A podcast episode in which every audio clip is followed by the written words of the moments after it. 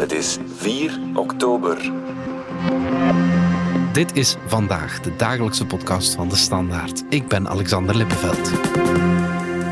Het heeft heel wat voeten in de aarde gehad, maar de gevangenis van Haren is eindelijk opengegaan. Een modelgevangenis, zegt justitie. Maar zal de nieuwe gevangenis een van de belangrijkste pijnpunten, namelijk de overbevolking, kunnen wegnemen? En zullen de gevangenen die vrijkomen uit Haren niet, zoals de meeste van hun collega's, snel hervallen en opnieuw tussen de celmuren belanden?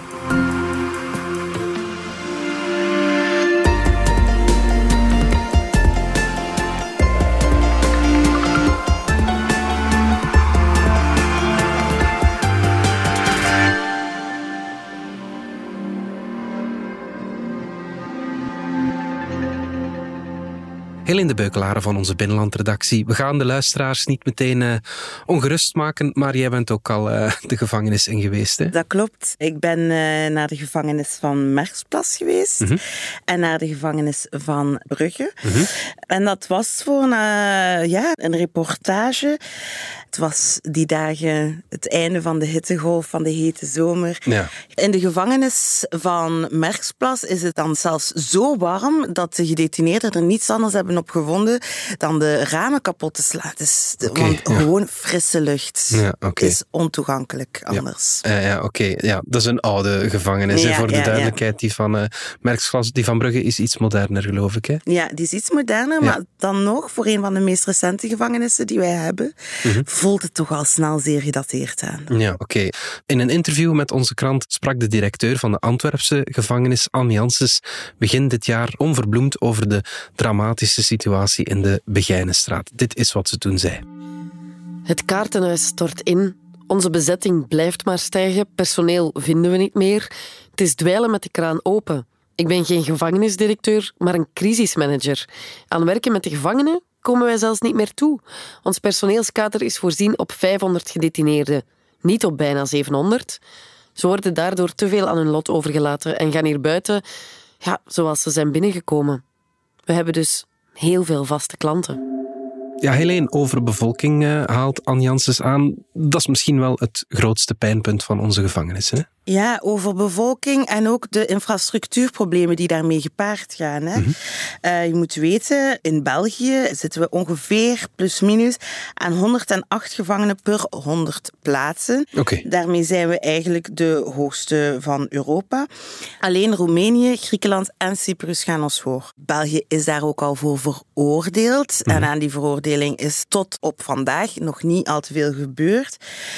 Tijdens de coronacrisis is dat even gezakt. Hè. Er zijn veel meer mensen vroegtijdig vrijgelaten, met goede redenen natuurlijk. Mhm. Mm -hmm. Maar ondertussen zitten we terug op het niveau pre-corona. En dat is met een gemiddeld overbevolking van duizend gevangenen. Ja, oké. Okay. Ja, dat is uh, bijzonder veel. Per maar... dag, ja. Dat wil zeggen dat er mensen op de grond moeten slapen. Dat wil zeggen dat er bedden moeten aangesleept worden in cellen die eigenlijk te klein daarvoor zijn. Ja, ja, ja. Dus Haren is het begin van de stille revolutie van ons gevangeniswezen. Het is geen klassieke gevangenis, het is een gevangenisdorp. Probleem opgelost, denk ik dan? Helaas niet. Oké. Okay. Hoe komt dat? Wij hebben een aantal gevangenissen die we open houden, die sterk, sterk, sterk verouderd zijn. Dat gaat dan vooral over Sint-Gillis, Vorst en Berkendaal. Die mensen zouden dan overgeplaatst worden naar Haren. Maar nu blijkt zelfs dat dat niet gaat gebeuren. Dus de overbevolking gaat inderdaad in Haren terecht kunnen. Maar dan nog zitten we met een tekort aan plek. Dus de gevangenis van Sint-Gillis zal nog tot eind 2024 open blijven. Dat is ja, veel langer dan verwacht. Er is nog een ander streepje zon aan de horizon. Mhm. Mm -hmm. De gevangenis van Dendermonde. Die gaat binnenkort ook open. En daar zouden toch wel zo'n 100 nieuwe plaatsen moeten bijkomen. Dat is een nieuwe gevangenis dan? Dat is een nieuwe is, gevangenis. Ja, ja, ja. Daarbij komt dan ook het concept van de detentiehuizen. Dat is een soort kleinschalige detentie. En daar zouden op termijn ook heel wat plaatsen moeten bijgecreëerd worden. Maar zover zijn we helaas nog niet. Ja. Nu, er is één ding om gevangenissen bij te bouwen om meer plaats te creëren, maar je moet ook weten dat gevangeniswezen met een extreem personeelsgebrek zit. Ja, dat horen we wel af en toe, hè, met stakingen in de gevangenissen, ja. problemen om mensen te bedienen. En ja, met alleen een gebouw, maar geen detentiespecialisten, zoals ze bijna genoemd worden, hmm. heb je eigenlijk niet veel. De gevangenis van Haren toonde ook dat we allemaal graag willen dat we mensen die zich niet gedragen uh, gevangen zetten maar dat niemand in de buurt van een gevangenis wil wonen. Hè. Er was een not in my backyard discussie. Er was zeker een not in my backyard discussie. Uh, nu ja, het had ook wel te maken met het feit dat Haren beoogd was op een stuk grond dat uh, een aantal ecologische activisten liever open wouden houden. Mm -hmm. Maar je moet weten, de eerste plannen van Haren dateren van 2009. En ja, we zijn uh, 2022 en nu gaat hij open. Ja, ja. Dus dat heeft zijn tijd gekost dan moet je dan ook in rekening houden als je in de toekomst nog extra capaciteit wil creëren. Ja, ja absoluut. Ja. Maar goed, justitie is nu wel heel trots op deze nieuwe gevangenis. Hè? Dat klopt. Uh, toen de eerste plannen getekend worden, dus ze zijn eigenlijk ondertussen al een beetje gedateerd, maar goed, dat terzijde, was het idee van uh, we gaan een grote gevangenis, een mega gevangenis creëren, maar die mensen zitten niet samen hmm. met elkaar. Eigenlijk gaan mensen leven in kleine leefeenheden met ongeveer 30 personen. Ik weet dat in bepaalde gevangenissen de mensen nog een behoefte moesten doen op een emmer. Dit is niet meer van deze tijd. Dit is een moderne infrastructuur met veel aandacht uh, voor plekken om te werken. We vragen dat gedetineerden ook zouden werken, zodat ze zich beter kunnen voorbereiden op de, op de in de maatschappij. Want 99% van de gedetineerden komt uh, ooit vrij. Het idee is dat ze dan ook beter kunnen aan rehabilitatie werken, maar ook dat effect van die leerschool van de criminaliteit ja, ja. gaat gebeuren. Dus dat je echt wel groepen kunt creëren waar dat mensen niet in contact kunnen komen. Iemand die bijvoorbeeld helemaal nieuw in de gevangenis is met een volleerde crimineel en dan hij buiten stapt en nog beter weet hoe dat hij de bank moet kraken ja, dan daarvoor. Of geradicaliseerd. Of geradicaliseerd, inderdaad. Dus het is wel het idee dat dat beter zou moeten werken. Je moet zeker niet denken dat die 1190 mensen daar allemaal samen met elkaar in contact komen. Dat gaat niet het geval zijn. Ja, ja. Het regime is ook anders, hè? hoe je daar leeft, zeg maar. Dat klopt. Dus het idee is dat. Nu is het eigenlijk zo dat je een open regime kan krijgen als je goed gedrag vertoont. En, dat is nog een zijnoot, als de gevangenis de infrastructuur heeft om dat te doen. En een open regime wil dat dan zeggen, je deur staat open de hele dag uh, en s'nachts gaat die dicht? Of, uh... Een open regime is eigenlijk een beetje alles wat afwijkt van een uh, gevangene die heel de dag opgesloten is in zijn cel en dan een korte wandeling. Okay, er ja. zou meer mogelijkheden zijn om onafhankelijk te beslissen van wat je wilt gaan doen. Maar het is zeker niet zo dat de deuren van de gevangenis dan open gaan staan, nee, nee, hè, ja, voor de duidelijkheid.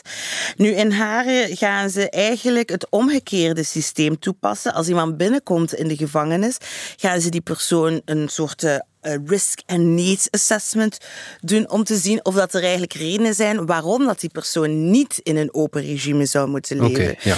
En dan wordt de situatie daaraan aangepast. Dus eigenlijk gewoon de redenering omdraaien. Waarom doen ze dat? Mensen die in een open regime leven in de gevangenis hebben een beter welvaren, voelen ja. zich beter, wat dan niet onbelangrijk is. En ten tweede, het zou ook beter zijn voor de rehabilitatie van die persoon. Ah ja, oké. Okay. Dat klinkt toch allemaal vrij vooruitstrevend, of, uh, of niet?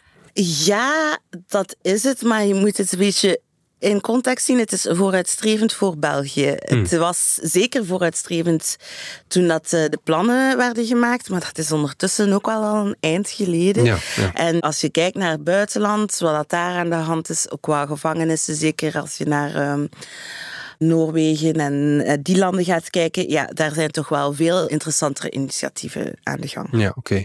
Ik las dat uh, Salah Abdeslam en Mohamed Abrini, die terecht staan voor de aanslagen uh, in Zaventem en Maalbeek, daar ook zullen terechtkomen. Die zullen toch niet in zo'n open regime zitten, of wel? Dat weet ik niet. Uh, dat is aan de gevangenis om daarover te oordelen. En zij zullen dat naar eer en geweten doen. Zij doen dus eigenlijk een analyse. Zij gaan kijken of dat het nodig is of niet. En um, ja, ik kan ergens wel vermoeden dat dat bij hun niet het geval gaat zijn. Er zijn daar plaatsen voorzien voor mensen die met een heel ingewikkeld, moeilijk profiel. En waar dat er veel meer focus ligt op die detentie, op uh, mensen mm. ja, beheersen. Onze collega Cedric Lagast heeft even echt vastgezeten in Haren. We halen hem er even bij. Cedric, Je hebt zelf twee dagen doorgebracht, opgesloten in een cel in uh, de mega-gevangenis. Hoe ben je daar beland? Dat klopt, ja. Ik ben gerechtsjournalist voor de krant Het Nieuwsblad. En vorige maand eigenlijk heeft het gevangeniswezen, de gevangenis van Haren, eigenlijk een beetje getest. Dus dat was nog voor de opening. Het is eigenlijk de bedoeling dat alle cipiers die nu in de gevangenissen van Vorst, Sint-Gillis en Berkendaal werken, dat die allemaal verhuizen naar de nieuwe gevangenis van Haren. Alleen dat is een compleet andere soort gevangenis. Het is een heel andere manier van werken.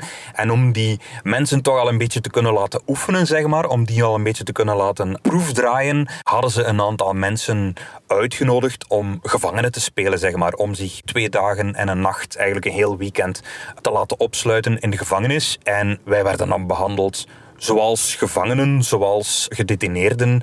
En die cipiers moesten ons behandelen zoals dat ze andere echte gedetineerden zouden behandelen. En het was vooral de bedoeling om zo een beetje de, ja, de hele werking van die gevangenis, de looplijnen van cipiers, wanneer wordt iemand uit zijn cel gehaald en wanneer niet, eh, om, om dat allemaal toch al een beetje te kunnen testen vooraleer dat er echte gevangenen naar de gevangenis gebracht worden. Justitie is wel trots op deze gevangenis. Het is een moderne gevangenis. Het is een, een hele grote gevangenis. Het is een, uh, een hele moderne gevangenis. Ik ben in het verleden wel al eens in andere oudere gevangenissen geweest. En het grote verschil misschien zelf is nog dat het niet één heel groot gebouw is, maar dat het allemaal kleinere gebouwtjes zijn. Het zijn kleinere gebouwen die naast elkaar op één groot terrein staan, op een soort campus eigenlijk. Die hebben ook allemaal hun eigen naam, een, een, een eigen kleur ook zelfs, denk ik. Het doet een beetje aan alsof dat je over een soort industrieterrein loopt. Een terrein waar allemaal kleine nieuwe start-ups staan. Dat gevoel heb je een beetje, want daartussen uh, staan er bomen en gras. En uh, het doet niet echt aan als een gevangenis. Natuurlijk, als je goed kijkt, zie je bovenop alle hoge muren die er rond staan natuurlijk prikkeldraad staan. Overal hangen, hangen camera's. En dan de cel zelf zou ik vrij sober kunnen noemen. Het grote verschil daar is dat er bijvoorbeeld de deur niet meer open gaat met een sleutel, maar alles is computergestuurd. Men kan vanuit een grote centrale ruimte met een druk op de knop alle deuren open of dicht doen gaan. En voor de rest uh, is het een, een vrij sobere aankleding. Er staat een bed met een soort van plastic matras op. Er is een klein tafeltje waaraan je kan zitten. Er is een koelkast. Er zijn een paar planken aan de muur die als kastdienst doen. En voor de rest is er in een klein hoekje nog een, een badkamertje. Dat is een, uh, een toilet, een douche en, uh, en een wastafel. En dat is het eigenlijk. Ik heb in het artikel dat ik daarvoor in het nieuwsblad heb geschreven, dat vergeleken uh, met dat het niet de hotelkamer is, waarvan sommige mensen soms zeggen dat gedetineerden en verblijven. Het is geen hotelkamer, hoogstens een kamer in een heel goedkope jeugdherberg in een grijze stad waar nooit toeristen komen. En buiten, hoe is het daar wanneer de gevangenen even mogen buiten komen? De wandeling is eigenlijk een vrij typische, gewone uh, een plein met hoge muren rond. En daar staan dan twee kleine plukjes gras op met twee boompjes. En dat is het eigenlijk. En ja, je kan daar rondjes wandelen, maar veel meer niet. Er staan ook twee betonnen tafels waar je eventueel aan kan zitten. En in één hoekje is een, is een soort uh, basketbalring gehangen en een klein voetbaldoeltje waar je met een bal even op zou kunnen spelen. Ik zat daar met een aantal rechters en magistraten opgesloten. Een van die rechters kreeg een bal en al na twee keer trappen was de bal over de muur. Dus dat viel tegen.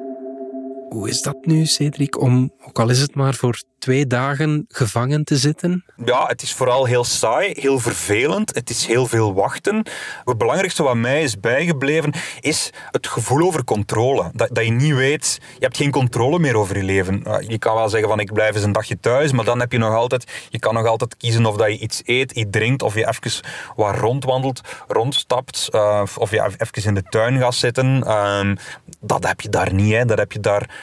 compleet niet. Ehm, ik zat bijvoorbeeld in een open regime. Dat houdt in dat gevangenen af en toe uit een cel mogen en samen met de andere mensen met wie dat ze in een leefeenheid zitten even sociaal contact kunnen hebben. Dat is de bedoeling daarvan ook. In de praktijk blijkt dat een aantal keer per dag te zijn, heel kort, dat dat een half uurtje of een uurtje is dat die deuren opengaan. En je weet eigenlijk ook niet wanneer dat, dat zal zijn, want dat is elke dag anders. En je hebt ook geen besef niet meer zo van tijd. En het is ook zo dat die deuren niet vanzelf opengaan. Zoals ik al gezegd heb, er hangt een soort van tablet aan de deur, waarop dan een icoontje verschijnt, waarop dat je je deur kan opendoen. Maar er gaat geen alarmsignaal af of zo, of er gaat geen deuntje af waardoor je dat weet, waardoor ik me eigenlijk op betrapte dat ik eigenlijk de hele dag door heel tijd naar die tablet keek om te zien van, staat het icoontje er al en kan ik de deur open doen en kan ik even naar buiten. Dat vooral is me bijgebleven, dat je eigenlijk totaal geen controle niet meer hebt over je dagindeling. Ja, je vertelde al dat jullie werden opgesloten om de goede werking van de gevangenis te testen. Minister van Justitie van Quickenborne die zei eerder al dat hij het nuttig vond dat magistraten, procureurs en anderen dat die zouden voelen wat het is om een gevangenisstraf te krijgen. Ja, absoluut. Ik zat daar met rechters, met procureurs, met aanklagers, met onderzoeksrechters ook. Dat zijn de mensen die, ja, die ervoor zorgen dat mensen in de gevangenis belanden. Hè. En de bedoeling is eigenlijk toch ook wel, toch zeker van onze regering, van onze huidige justitieminister, dat er grosso modo minder mensen in de gevangenis zouden belanden. Er is een overbevolking in onze gevangenissen. En het, het ethisch punt daarbij is dat die mensen zelf is, zouden ervaren wat het is om in de gevangenis te zitten.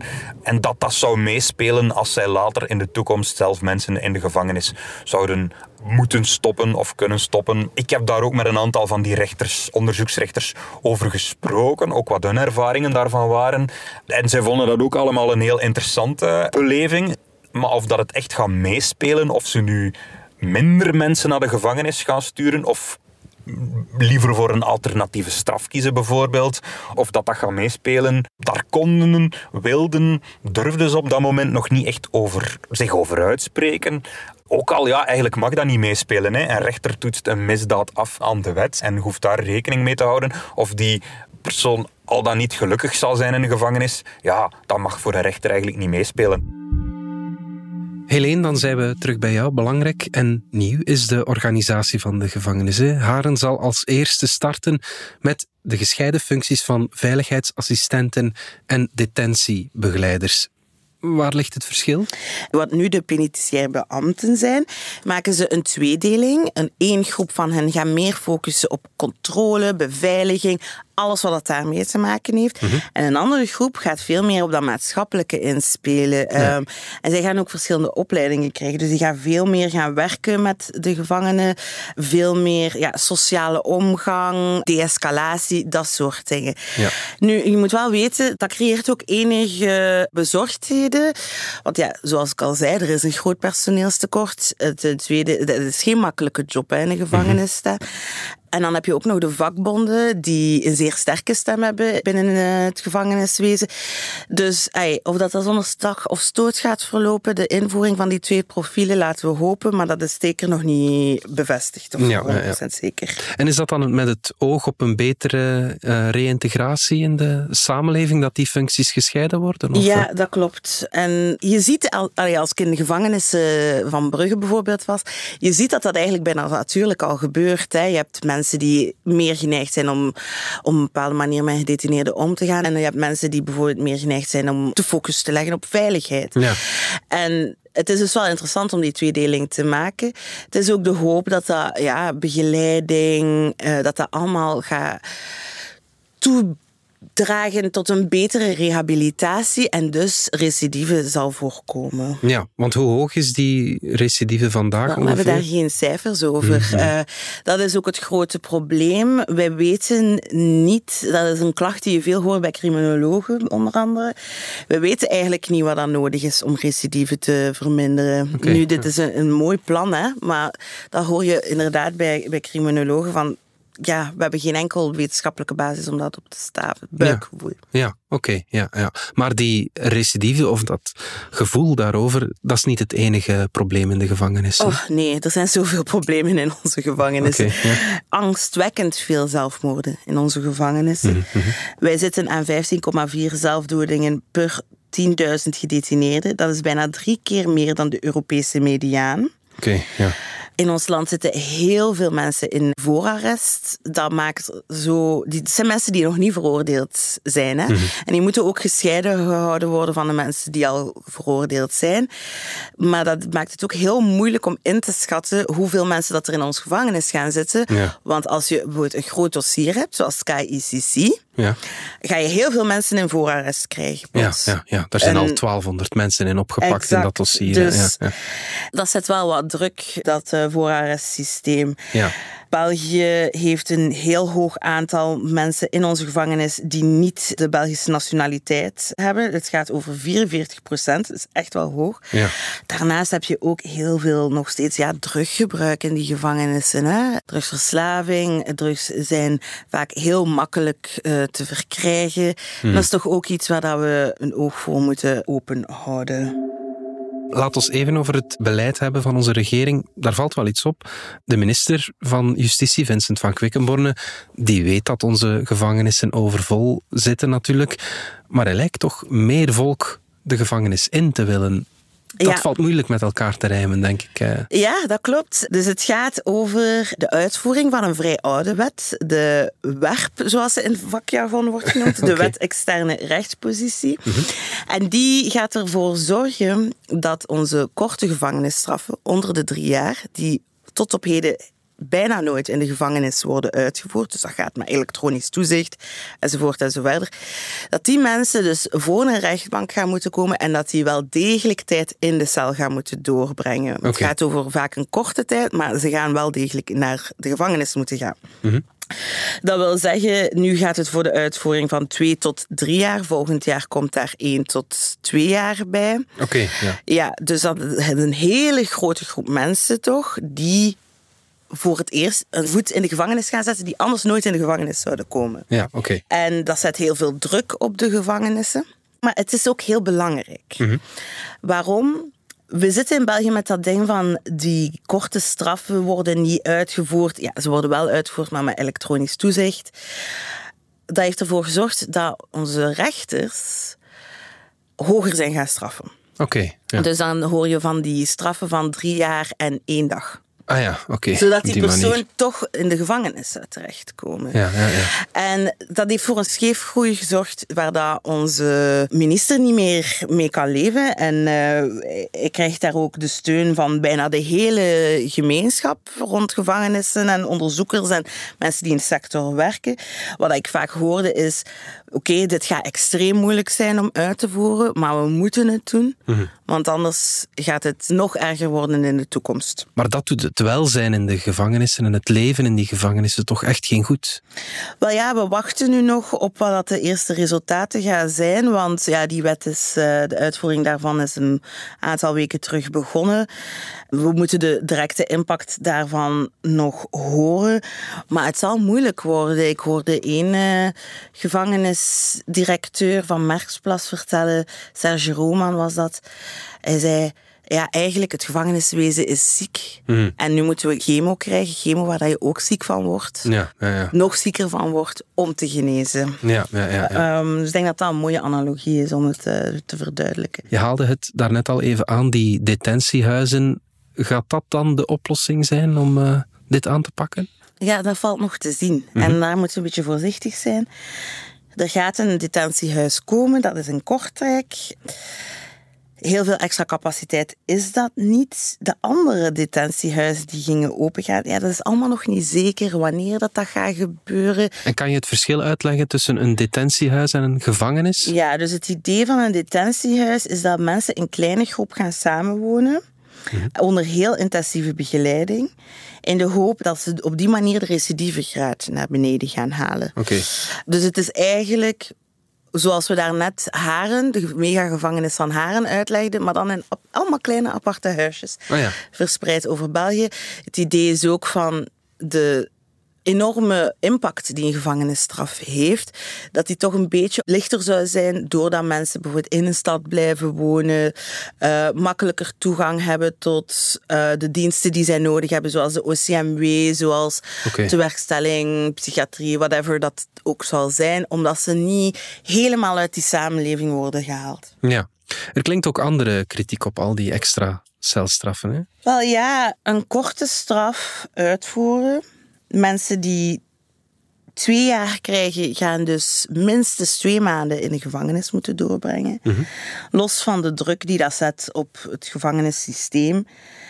Dat is een heel grote impact op iemands leven. We mogen dat niet vergeten. Wat dat, dat wil zeggen, je, je verliest je job, de ba- banden met je omgeving worden doorbroken.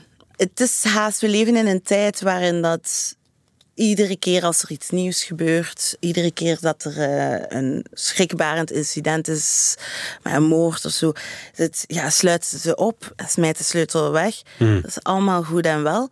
Maar je mag ook niet vergeten wat voor een impact dat dat heeft op de mensen die dat meemaken. En of dat je ze nu graag hebt of niet.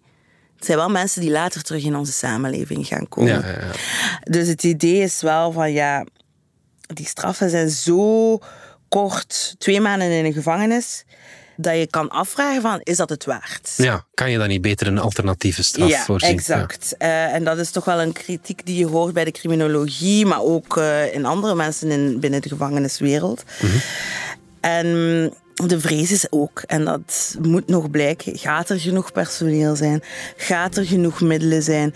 Uh, gaat er genoeg begeleiding zijn om die mensen op de juiste manier te kunnen reïntegreren? Mm -hmm, absoluut, oké. Okay. Goed, Helene de Beukelaren, dankjewel. Dankjewel. Dit was vandaag de dagelijkse podcast van De Standaard. Bedankt voor het luisteren. Volg ons op Spotify, Apple Podcast of eender welk ander podcastplatform. In onze gratis FDS podcast kan je niet alleen ons werk beluisteren, maar ook de beste podcasttips terugvinden met zorg geselecteerd door onze redacteur Max de Moor. Alle credits van de podcast die je net hoorde vind je op standaard.be-podcast. Reageren kan via podcast.standaard.be. Morgen zijn we opnieuw.